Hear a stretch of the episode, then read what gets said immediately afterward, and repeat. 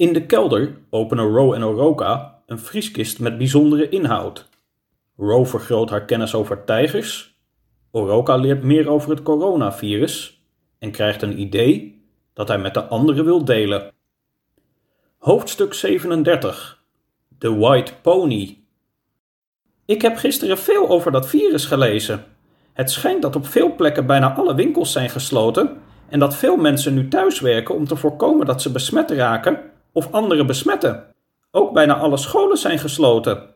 Dat betekent dat veel ouders en kinderen nu thuis aan het werk zijn. Of vakantie vieren. Maar goed, Wubbel haalde zijn vleugels op.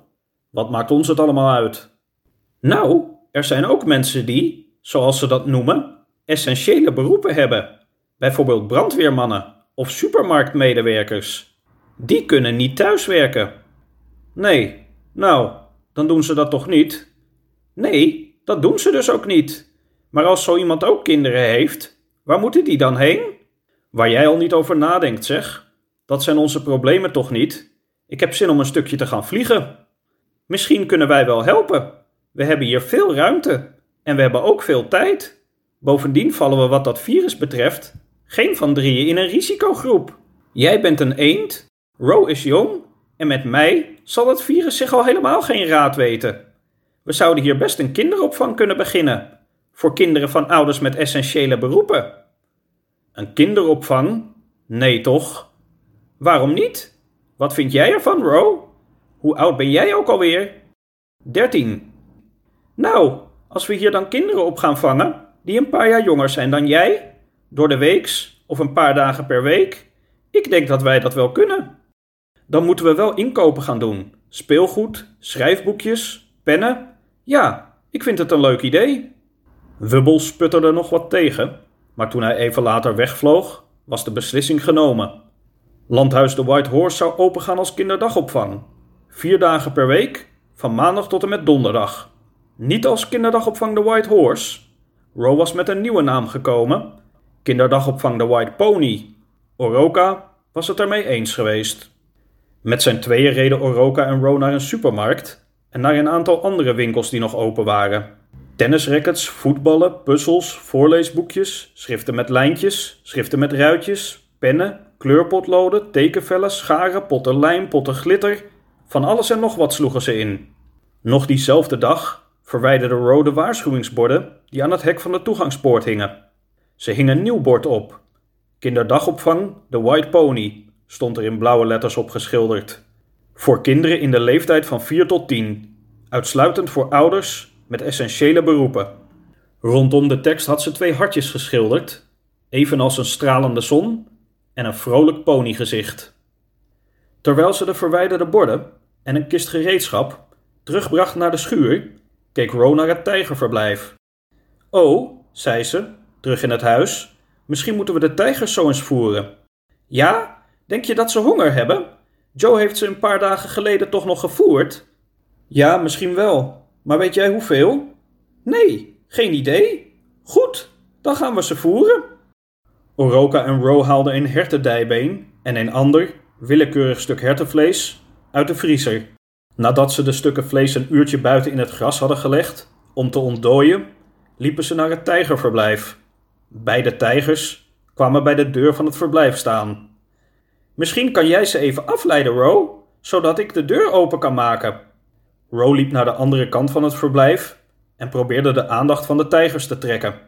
Af en toe keek een van de dieren haar kant op, maar meer dan dat deden ze niet. Ze bleven staan waar ze stonden. Ook toen Ro met een van de stukken vlees een aantal meter langs het hek liep. Wat doen we nu? Zo kunnen we die deur toch niet openmaken? Nee! De twee wachten een paar minuten maar de twee aan de andere kant van het hek hadden duidelijk veel geduld. Ik heb het, o. Weet je wat we doen? We voeren ze vanaf het dak. Vanaf het dak? Ja, we klimmen op het dak van ons huis en vandaar gooien we het vlees over het hek, het verblijf in. Is die afstand niet te groot? Ik denk dat we het wel halen. Ro en Oroka klommen met de stukken vlees via een zolderraam het dak op. Samen slingerden ze het eerste stuk vlees met succes het verblijf in. Het stuk landde naast een van de boomstammen.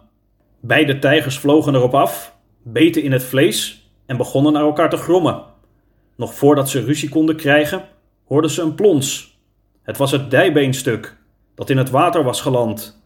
Een van de tijgers liet los en zwom naar zijn buit. Wat later op de dag ging de huisbel en maakte Oroka kennis met Manuel, een buschauffeur wiens zoontje Carlos sinds kort thuis zat. Manuels vrouw was twee jaar eerder overleden. Hij voedde zijn zoon alleen op. Nu, met het coronavirus, moest hij zich regelmatig in ingewikkelde bochten wringen om, zoals hij het zei, de bus op de weg te houden.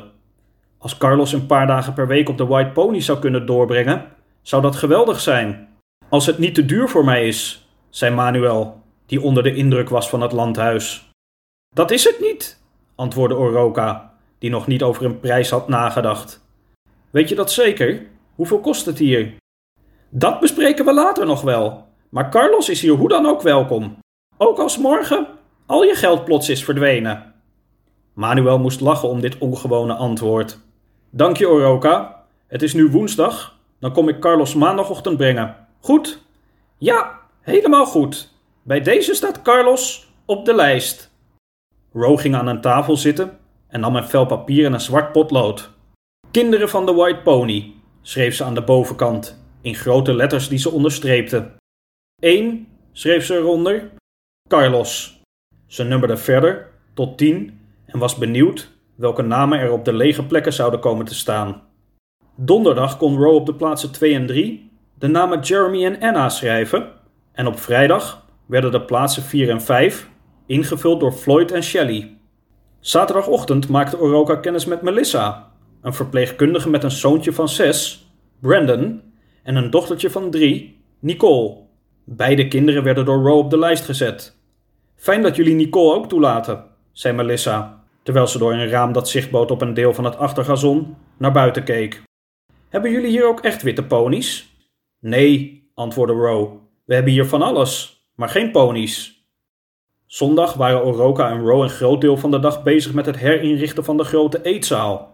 Op verschillende plekken werden matten op de vloer gelegd, waarop kinderen met blokken, puzzels of ander speelgoed konden spelen. Aan de muur werden educatieve taal- en rekenposters opgehangen.